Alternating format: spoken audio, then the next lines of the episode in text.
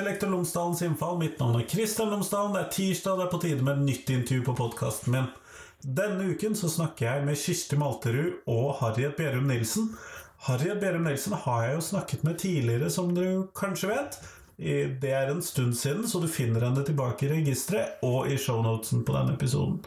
Kirsti Malterud derimot har jeg ikke pratet med før. Men det jeg prater med dem om i dag, det er kunnskapssynet hos Stoltenberg-utvalget og det forskningssynet som ligger til grunn for Stoltenberg-utvalgets innstilling og rapport. Og forskningsmessig og eh, hva skal vi kalle det eh, vitenskapsmessig, så er jo det interessant å se hvordan, eller hva som ligger til grunn for en del forskning, og hvordan vi vurderer forskningen. Sånn at det er interessant uansett om man er enig med Stoltenberg-utvalget, Stoltenberg Harriet og Kirsti, eller ingen av dem, eller kanskje noen helt andre. Så interessant uansett.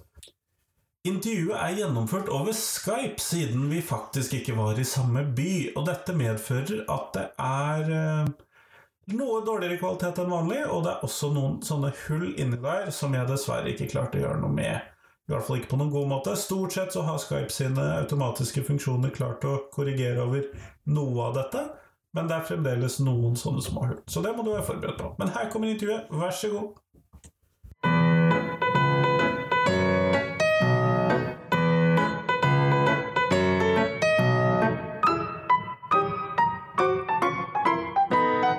Kirsti Malterud og Harriet Bjerrum Nilsen, tusen takk for at dere har tatt dere tid til meg i dag. Før vi starter selve intervjuet, kunne dere ha fortalt tre ting om dere selv. Og da starter vi med deg, Kirsti, for du har ikke vært på podkasten før. Ja, og da for dagens tema så vil jeg kanskje først fortelle at jeg er utdannet lege. Jeg har vært fastlege i 35 år. Og jeg har vært forsker og professor i allmennmedisin i omtrent like mange år. Og i, i den eh, perioden, eller i den anledning, så har jeg også i min forskning vært opptatt av kjønn. forsket på kvinnehelse, og det er slik jeg er blitt kjent med Harriet. For hun var min sjef de årene som jeg hadde en deltidsstilling på det som den gang het Senter for kvinneforskning ved Universitetet i Oslo. Og det tredje jeg vil si, det er at eh, i det jeg har drevet med av forskning, så har jeg blitt veldig opptatt av kunnskap og metode. Eh, fordi mye av det jeg har forsket på, det har falt utenfor det som liksom var gangbar tilnærming i i hvert fall i biomedisinen. Hvor, for å si det veldig simpelt så, så, og sette det på spissen, så er det sånn at der er det slik at det er bare tall som teller. Mens det jeg har vært opptatt av, det har vært eh, de eh, helseplagene som ofte kalles uforklarte, der det er samhandlingen mellom legen og pasienten som er nyttig og nødvendig å få vite mer om hvis vi skal der vi er opptatt av tekst, tolkning av tekst, og der vi må gå frem på en helt annen måte enn å regne med statistikk og finne signifikansverdier for å utvikle ny kunnskap og forstå mer. Og I den anledning så er jeg også blitt opptatt av hvordan noe kunnskap rangeres høyest, og hvorfor det. Og hva skjer med resten av kunnskapen, den som ikke er på topp av disse hierarkiene. Og eh, det er noe av temaet som du har sagt du vil snakke med oss om i dag. Eh, jeg kan mye om bl.a. det som kalles for evidensbasert medisin, som jeg regner med vi vil komme tilbake til. Ja, og Harriet, eh, kort oppfriskning. Hvem er du? Tre ting om deg. ja, nu nævnte, nu nævnte Kirsti jo allerede jeg har vært været leder af Center for det, der nu hedder Center for tværfaglig kønsforskning på Universitetet i Oslo, hvor jeg var leder i mange år. Nu er jeg blevet pensioneret, eller professor professor emeritus. Og øh, mit felt har været øh, køn blandt barn og ungdom, altså barn- og ungdomsforskning i et kønsperspektiv, som jeg har drevet med det meste. Og hvis jeg skal kommentere lidt på det der med min, min metodiske interesse, som, som Kirsti også tog op, så kommer jeg oprindeligt fra humaniora, Øh, altså er uddannet i tekstsprog og tekstvidenskab. Øh, det er godt nok mange år siden, men sådan en uddanning giver jo en vældig sådan, prægning på, hvordan man ser verden. Og, øh, og det betyder, at jeg pludselig, da jeg kom til Norge, blev samfundsviser, så overførte jeg egentlig de tekstfortolkningsmetoder, jeg havde som en basiskompetence øh, på samfundsvidenskabelige data. Så det vil sige, at jeg har egentlig hele tiden været kvalitativ forsker, uden at vide, i mange år, at det var det, det hed. Øh, det betyder også, at øh, min, min styrke relativt begrænset, så derfor var det veldig, veldig fint, at øh, øh, Kirsti og jeg kunne skrive den her artikel sammen. Og det var i det hele taget et veldig morsomt samarbejde, øh, både fordi at vi kunne supplere hinanden så godt, og fordi, øh, fordi vi begge to er vældig ryddige og ordentlige personer, som holder deadlines og får ting under, så det gik i en fejl. Vi brugte vel ikke mere end et par uger på at skrive artiklen, tror jeg. Og det, det var utrolig havde det veldig godt samtidig. Ja, ja. Så det, det, og så det sidste, det tror jeg var det første, jeg startede med, da vi snakkede sammen sidst, og som alle nu har skjønt, og det er, at jeg er dansk. Ja, det tror jeg, jeg de har skjønt. og jeg, jeg, jeg trods 40 år i, i Norge ikke har klaret at lære mig at, at snakke norsk. Men nu har jeg tænkt mig at søge dobbelt statsborgerskab. Jeg har ikke noget imod at blive norsk, så længe jeg ikke må opgive at blive dansk. Mm. Det har jeg forståelse for. Eh, dere har skrevet en artikkel som dere har vært inne på, og dere har skrevet en artikkel om kunnskapssynet i Stoltenberg-utvalget sin rapport. Og Da lurte jeg på om dere kunne si litt om dette kunnskapssynet. Hva er det som vi ser om kunnskap hos Stoltenberg-utvalget? Ja, nu, øh, altså, vi har jo kalt kunnskapssynet snævert. Og det er jo fordi det, som, som, øh, som Kirsti allerede har sagt, at det er et kunnskapssyn, hvor kun det, som kan tælles, tæller. Øh, og det kan være veldig nyttigt at tælle ting. Øh, man kan få mye interessant kunnskap ud af det. For eksempel vil vi jo ikke vide noget om karakterforskelle, altså gennemsnitlige gruppeforskelle, hvis vi ikke talte, hvad enten det er karakterer eller forskel i løn osv. Men problemet er øh, to ting, og det ene er, hvis du altså på en måde skærer bort andre kunnskapskilder, og det er det centrale i vores kritik af, af Stoltenberg-udvalget. Og det andet er, at hvis du flytter den her vældig kvantitative øh, forskning, og, og vel, hvor du stiller en vældig strenge krav til evidens, over på et felt, hvor, øh, som faktisk ikke lader sig opdele i sådan nogle små brikker, øh, så kan pludselig den forskning øh, blive vældig, altså øh, egentlig blive usikker, fordi den, vi faktisk ikke ved, om den sier noe om feltet. Ja, Utgangspunktet her er jo eh, at eh, mye av det som altså Stoltenberg-utvalget de forhold, den, den, handler jo om eh, kjønn i klasserommet, gutter og jenter. Det kan ikke jeg så mye om. Jeg har ikke vært i et klasserom siden 1968.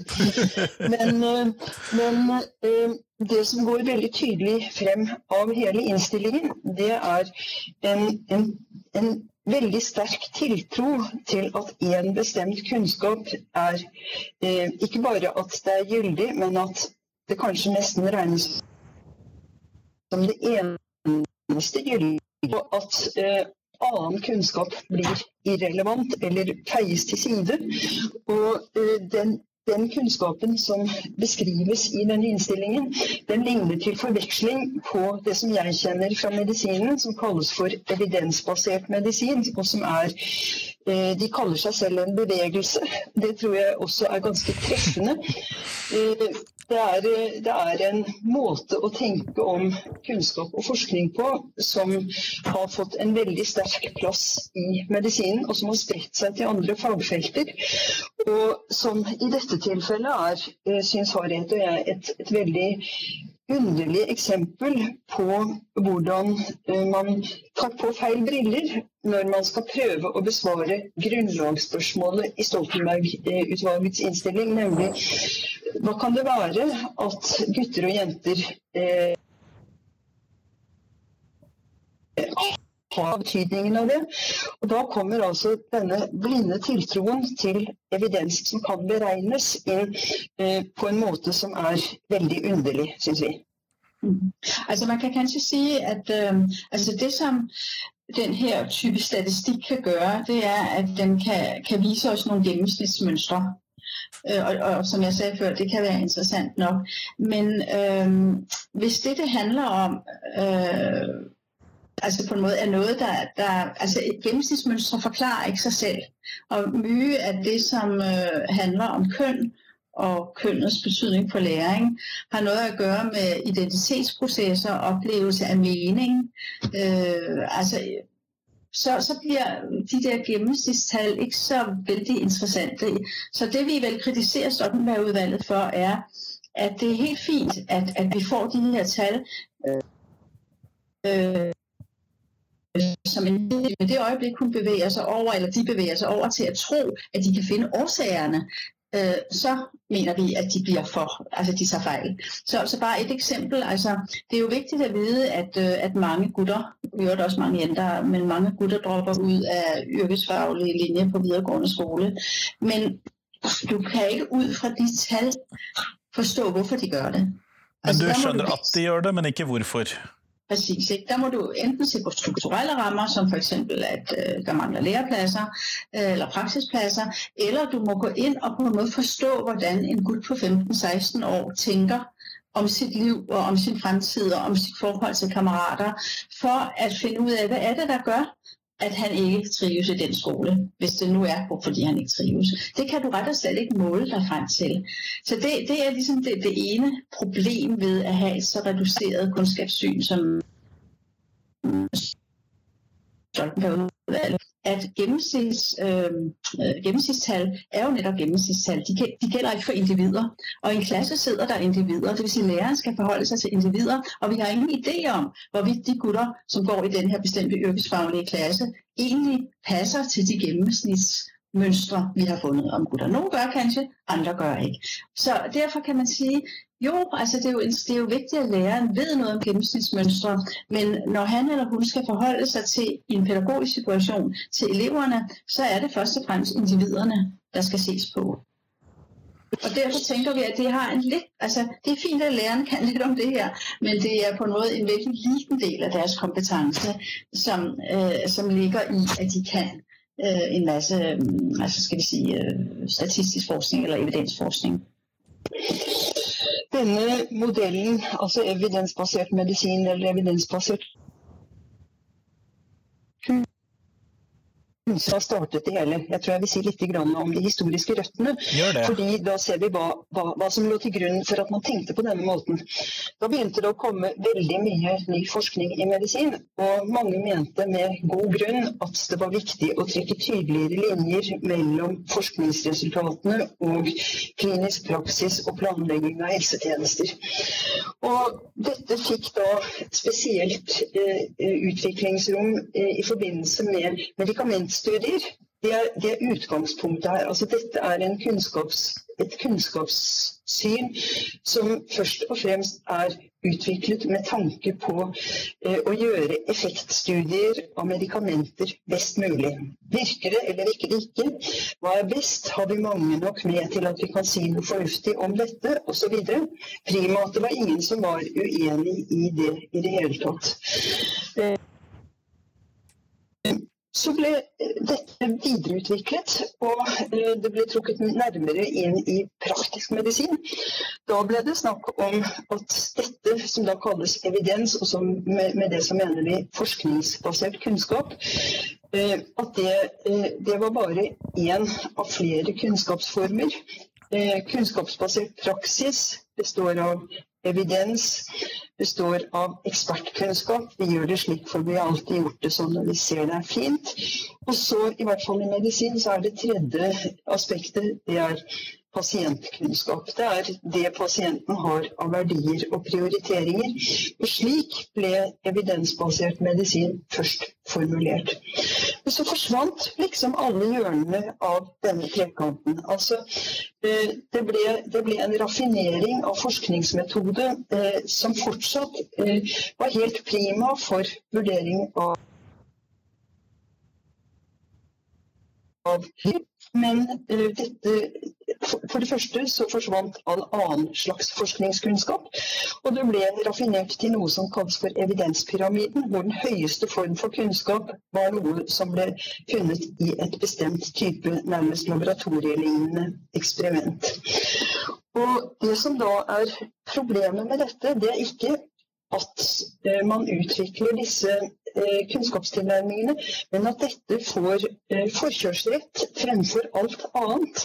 På en slik måte at bare vi har fulgt prinsippene for evidensbasert kunnskap, så gjelder det på absolutt alle områder. Det er så feil som det kan få blitt. Det gjelder for noen områder. Og i medisin har dette spredt seg. altså Det er ikke bare effektstudier av medikamenter. Det, også, det brukes også eh, for å sammenfatte eh, forskning om om komplekse tiltak i folkehelse, hvor det nærmest er for meg ubegripelig at man kan tenke seg at alt kan standardiseres på den måten som skal til for å oppfylle disse kriteriene.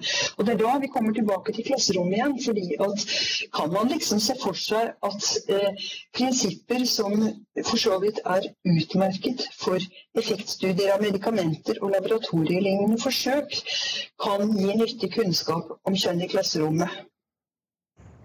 Og, og der er jo en, en altså en, uh, egentlig, man kan sige, at Stoltenberg-udvalget selv øh, er, altså, peger på problemet, uden at de ligesom lader det få nogle konsekvenser. Og det er, når de erkender, at den vigtigste enkeltfaktor for læring i et klasserum, det er læreren.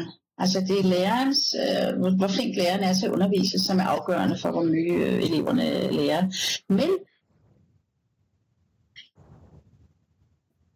med at sige, hvad det er ved læreren, der gør, at læreren er god. Og det viser jo på en måde i en nødskal, hvad problemet er. Det er, at der er noget, der betyder, kanskje det, der betyder allermest, nemlig at være en god lærer, det kan de faktisk ikke måle med de metoder. Nej, det er en begrænsning. Ja, det må man sige er en begrænsning, hvis hele ideen er nu at bygge op et stort uh, kundskabssystem med henblik på at forbedre kvaliteten i vores skole. Og så kan man faktisk ikke øh, fange opp eller beskrive den aller, aller vigtigste enkeltfaktor, nemlig hva en god lærer er. Så du kan måle en, en, række, en række forskellige dimensjoner, dimensioner, altså børns klassebaggrund, hvor flinke de var til å snakke, da de var fire år gamle, eller om de har vært utsatt for den ene eller den anden, altså pædagogisk forsøk forsøg eller model. Øh, og, om, ja, øh, men du kan faktisk ikke måle det, der god lærer. Og det handler jo sikkert sandsynligvis, fordi at en god lærer handler i veldig høj grad om en lærer, der kan skabe en relasjon til sine elever, som simpelthen får en kontakt, som jo selvfølgelig er basis for, at man så kan begynne at pøse på med fagkunnskap Og den type, altså relationer, identitet, den type ting, er den evidensbaserede metodik absolut ikke egnet til at forstå og beskrive. Nei, fordi at det er veldig vanskelig å kvantifisere. Præcis, ja. ja. Det øjeblik, du kvantificerer det, har du på noget mistet det, der er meningen i det. Ikke? Der er la, oss da, ja. la, la oss da konkretisere litt hva, hva de sier at det skal avhjelpe dette, eller besvare dette evige spørsmålet som er utgangspunktet, nemlig kjønnsforskjeller i klasserommet. Hva, hva vil de gjøre? Hva foreslår de helt konkret? Jo, eh, da foreslår de altså å etablere et, et digert nasjonalt register, hvor det skal personidentifiserbare data som skal kunne kobles med mange andre registre, og som da skal handle om ja, fra A til Å i skole, tror jeg, og eh, som eh, et, et, godt, en, et, godt, register, en god registerstudie, eh, er slik at den nesten kan si noe om årsaker. Men i dette tilfellet så er det andre slags årsaker eh, som, som, man er ute etter å finne svar på. Så Det ene her det er at de skisserer da et stort nasjonalt register, som da vil levere en masse forskningsdata men kanskje ikke akkurat nettopp det som kan besvare spørsmålene som er stilt her. Eh, det andre er at de vil etablere et forskningsprogram eh, som også bygger på akkurat den samme kunnskapsmålen litt skeptisk om til nå. Altså hvor, hvor noe av grunnlaget er å eh, samle inn det som finnes av eksisterende forskning, legge det sammen på en slik måte at man kan beregne hva dette til sammen gir.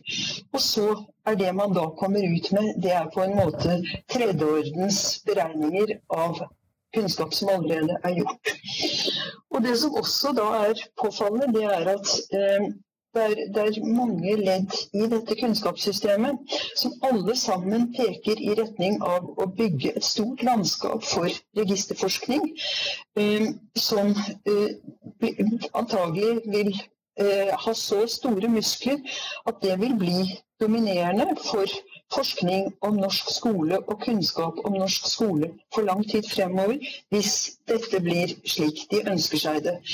Og Det er derfor vi tenker at dette har inngående betydning som at vi, det, er det er for lite å trekke på skuldrene og si hva er det de holder på med. Altså, eh, De beskriver ambisjoner om å finne frem til den gode skole via disse virkemidlene. Og det syns vi er veldig bekymringsfullt.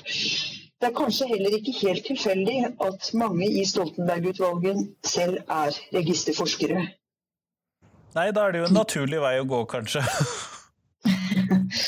Eh, altså, og, og, for å følge litt opp på det, som, øh, som Kirsti sier. øh, altså det er jo ikke bare det, at de vil ha at øh, den forskning, som nå skal laves som skolen, skal være en ganske bestemt art, nemlig den her registerstudie og, og evidensbaserede studier, men de skriver jo også, at det er det, som skal til å dominere læreruddannelsen. Så de har sådan en forestilling om, at hvis bare den her type forskning betydning i læreruddannelsen. Altså de skriver afsted af lærerne, øh, nu hvor det bliver, øh, uddannelsen bliver på masterniveau, så skal de, kan de blive bedre til at læse statistik og forskningsresultater.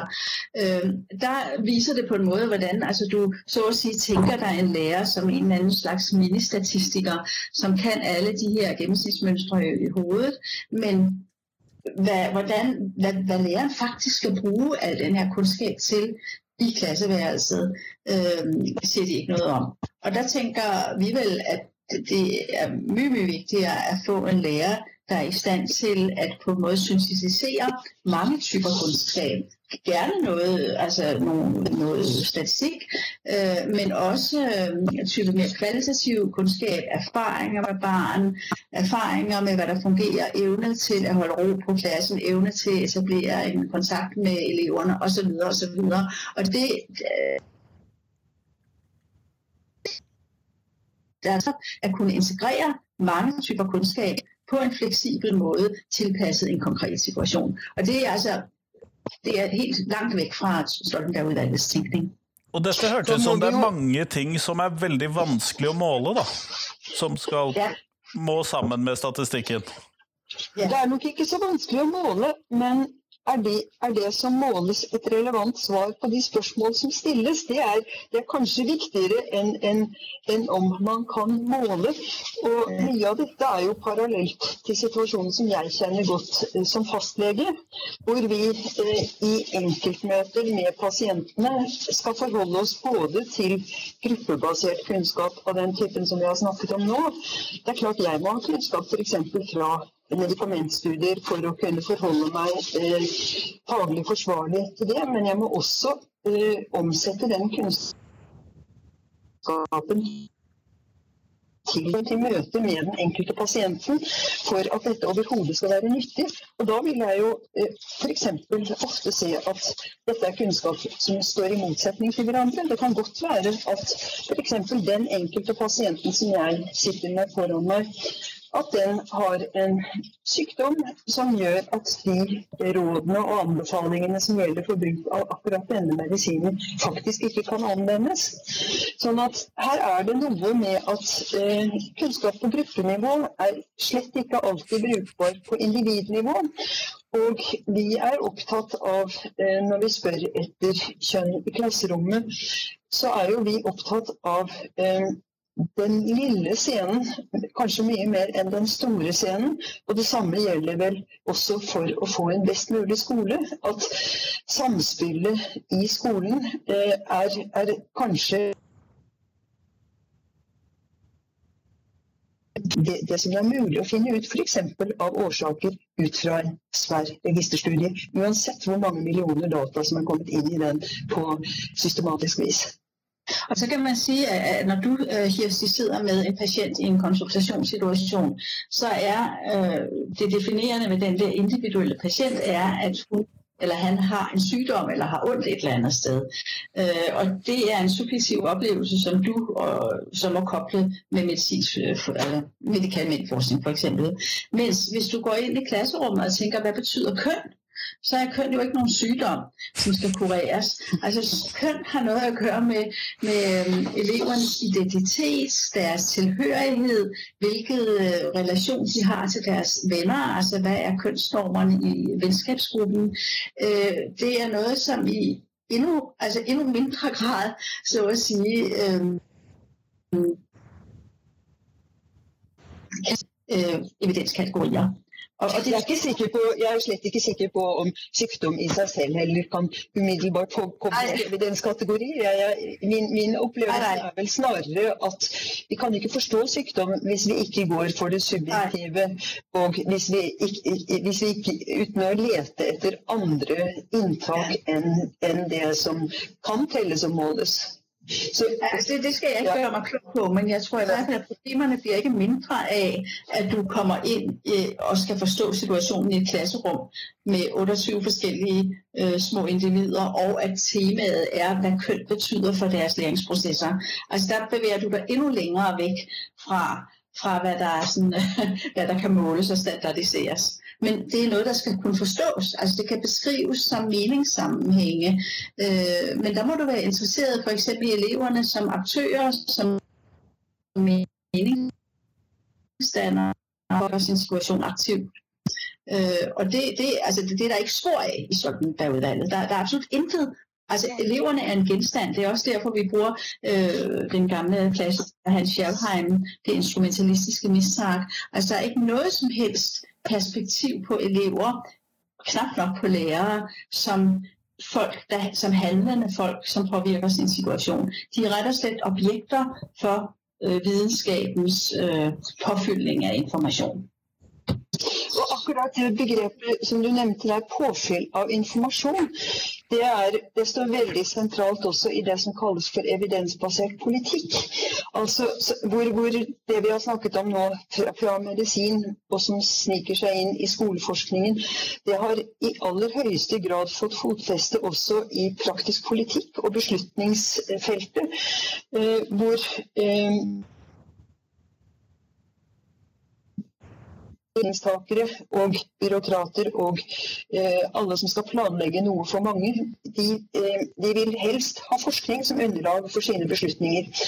Og eh, Den evidensbaserte kunnskapen er som skreddersydd for dette. Eh, hvis det bare var den type enkle beslutninger som skulle tas, som f.eks. i en medikamenteffektstudie.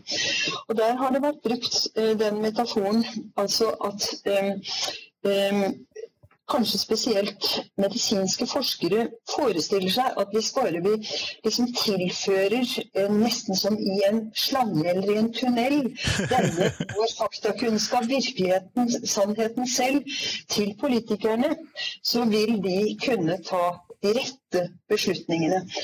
Og eh, jeg har vært med i et annet arbeid enn det vi har skrevet her, Harriet, eh, hvor vi har hvor brukbare konklusjonene blir når man bruker denne metodikken til å utvikle evidens. Det er ofte at politikerne bestiller evidens av denne typen fra dette, denne typen systemer. Og Det som da skjer, det er selvfølgelig at siden politikk består av verdier, forhandlinger, la, smak og lukt, penger, prioriteringer, alle andre ting enn akkurat den kunnskapen som neppe er fakta heller, så blir det på en måte bare Hvis man tenker om disse tilførselslinjene som små kanaler eller tunneler, så blir det jo bare en bitte liten del av kunnskapsgrunnlaget som tilføres på denne måten. Så, øh, så et viktig spørsmål er, øh, er er dette brukbart for praktisk politikk og for øh, beslutninger i større regi? Vi gikk gjennom i all hovedsak fra helsemyndighetene til eh, fra det som, heter, det som den gang het Nasjonalt kunnskapssenter for helsetjenesten. De er norgesmestere på denne metodikken, og de er veldig veldig flinke på det. Eh, Det er nok ikke alltid de kan si at våre redskap egner seg kanskje ikke for det som dere vil ha svar på. Deres oppdrag er da å levere eh, ut i denne tunnelen av kunnskap og fakta. I en årgang av rapporter som vi gikk gjennom, så var det bare et fåtall som endte opp med konklusjoner som egentlig sa noe som helst om saken i det hele tatt. De aller fleste konklusjonene var fulle av forbehold og sa at nei, det fins ikke så mye forskning om dette, og den forskningen som fins er ikke så god at vi kan si noe sikkert. Så vi kan, vi kan faktisk ikke egentlig heller gi noe særlig råd om dette. Så det er, det er på en måte det er slik denne tenkemåten er så instrumentell at den hva skal vi si, hele, hele eh, det, det, blir litt som å skulle skru inn, skru inn en hammer. Altså. Du bruker, du bruker et verktøy som er beregnet på noe helt annet, og så knuser du kanskje saken i stedet. Men det som jo så ofte blir konklusjonen for den type forskning, altså når de nettopp må konkludere, som Kjersti sier, om at nei, vi vet ikke så mye om det her, vi kan ikke bruke denne forskning, og øh, det er at så blir konklusjonen altså må vi ha mer forskning av samme slags. Så, så, de, så man der oppfatter det som altså, at der ikke er gjort nok, mens vi mener at problemet ligger i deres metode. Altså at de vil aldri komme dit. Man var aldri komme dit at man ved hjelp av denne type metodik finner ut av hva årsagen er til at øh, gutter eksempel får litt lavere karakterer enn jenter i skolen. Det, og det er jo det der er liksom Camillas store vision af en dag ved hjelp av de her metoder så vil vi endelig have slået fast hva var årsaken. Sannheten jeg fortalte ved. Det handler jo først og fremst om alt til sitt bruk. Og i, i, forskning, hvis man ikke sitter i et laboratorium hvor alle oppskriftene er bestemt på forhånd Jeg sier ikke at, at, det er slik i alle laboratorier, men jeg sier at i en del forskning så er ting bestemt på forhånd. Men hvis man har flere slags problemstillinger, så trenger man også en verktøykasse som er større, eh, stor nok til at man kan forholde seg til flere slags spørsmål, slik at man kan nærme seg eh, andre spørsmål enn de som best kan besvares på akkurat denne smale måten. Og det er vår viktigste kritikk. Det er strengt tatt ikke noe galt i prinsippene bak evidensbasert kunnskap. Det er bare at eh, hvis det brukes det, så blir det helt feil. Mm, mm, mm. Og Noe der vel også, når det gjelder kønn, ytterligere en problemstilling, øh, det er jo at, at kønn er jo heller ikke noe der er stabilt. Altså Vi har snakket om at kønn er kontekstbetinget, og at det har noe å gjøre med identitet og relationer, Men øh, det er jo også et fænomen, der ændrer seg over kønn. Altså kanskje ikke til biologiske kønn, men øh, hva kønn betyder for eksempel for hvordan øh, gutter oppfatter seg selv, eller jenter oppfatter seg selv. Hva der er typisk gutteatferd, hva der er typisk jenteatferd. Det er noe der ændrer seg. Og det vil jo også bli et problem for de her kjempe store øh, registre, som egentlig forudsætter en type stabilitet i den genstand, som de utforsker. Fordi ellers kan de få veldig veldig travlt. Altså, de sætter 100 øh, hva det hedder, målinger i gang, og inden de er færdige med å lave de målinger, så har kønnet flyttet seg. Ikke? Og hva bare oppfatningen av kjønn eh, som har forandret seg så radikalt i løpet av de siste 20-30 årene i å ha vært to helt opplagt forskjellige fenomener, og hvor man i dag snakker om kjønn som en så mye mer flytende ting. Jeg har vært med i studier hvor vi har spurt folk om eh, bedt dem krysse av kjønn, og hvor vi har vært nødt til å ha kategori annet, mann, kvinne, annet, eller vil ikke svare. Og vi ser at mange krysser av på annet, og det er fordi det er mange som føler at selv disse tilsynelatende opplagte kategoriene, de passer ikke lenger for alle. De passer for mange, men det reiser helt sentrale spørsmål om disse grunnleggende kategoriene. Om de er så robuste og så brukbare til å skille mennesker, eller til å skille elever, eller til å skille som man har tenkt og snakket og latt som i veldig mange år. Er, kjønn er et veldig godt eksempel på noe som kanskje ikke er så entydig som det, disse kunnskapsformene som vi har snakket om, helst ville ha foretrukket. Nei, det er enklere når man har rene statistiske størrelser. Det er det jo. Og et, fenomen som ikke forandrer seg. Ja. Altså, det er jo noget med, at, at den der statistik er jo også, øh, eller nej, det er, jo, det er selvfølgelig ikke rigtigt, fordi statistik kan for så vidt netop opfange forandring i, i grupper, men det er igen på altså fordelingsniveauet, ikke på meningsniveauet. Ikke at du, at du skjønner, hvad det betyder. For eksempel, at øh, gutter opfører sig på en anden måde i dag, end de gjorde tidligere. Eller at de netop, for at gøre det endnu mere kompleks, opfører sig i en blanding af noget, der er gamle og genkendelige mønstre, og som er nye tendenser, som vi ikke har set før. At være gutter på gamle måder, så begynder de at være gutter på nye måder. Det er netop en utrolig indflygt blanding af gamle og nye guttetræk, og som så i øvrigt udtrykkes individuelt hos den enkelte gut. Der er det jo sånn også at Metodisk så er kravene i disse to stjernemetodene som den evidensbaserte metodikken støtter seg til. altså Det ene er det, det, som kalles for det kontrollerte forsøk, som jeg tidligere har omtalt som laboratoriepreget eh, forskning. Og som er litt vanskelig i skolen? Ja, og, og, det andre det, det er det som, som, vi også snakket en del om, nemlig registerstudier. For begge disse to forutsetter at eh, de variablene man skal undersøke, er standardiserbare, stabile. Eh, I, i kontrollerte, den kontrollerte studien er det kanskje spesielt eh, viktig at de er standardiserbare, fordi du skal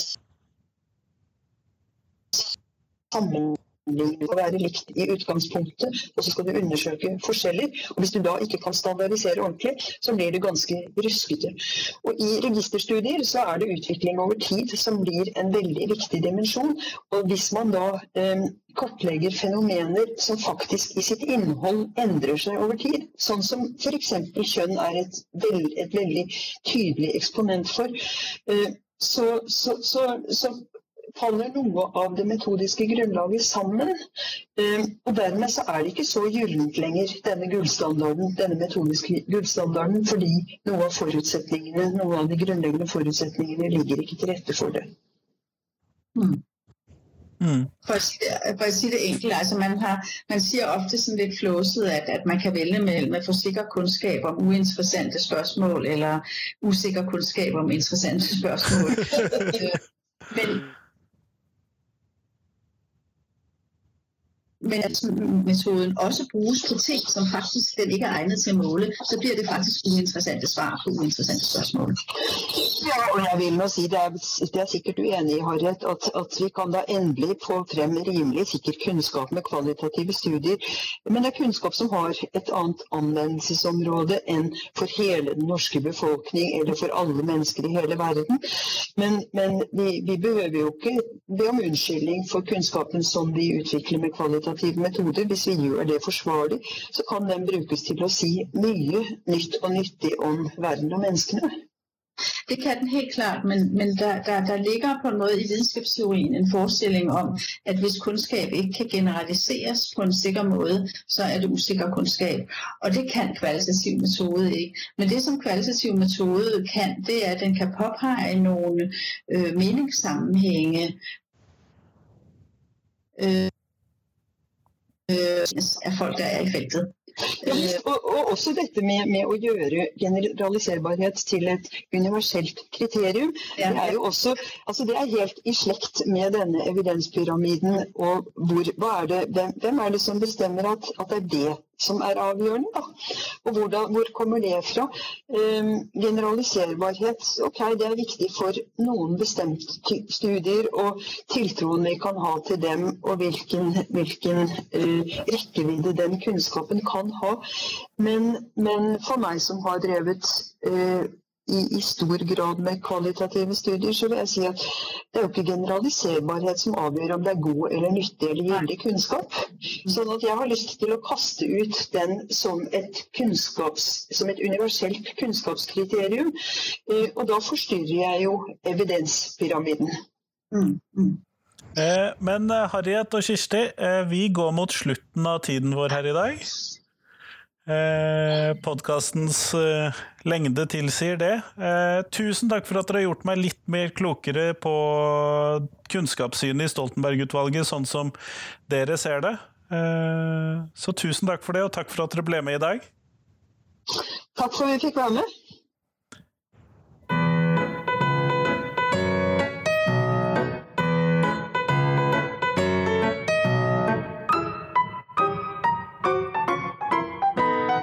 Tusen takk til Kirsti og Harriet, og tusen takk til deg som hørte på. Nå er det én uke igjen til neste intervju på podkasten, og da er det et intervju med Ellen Romstad.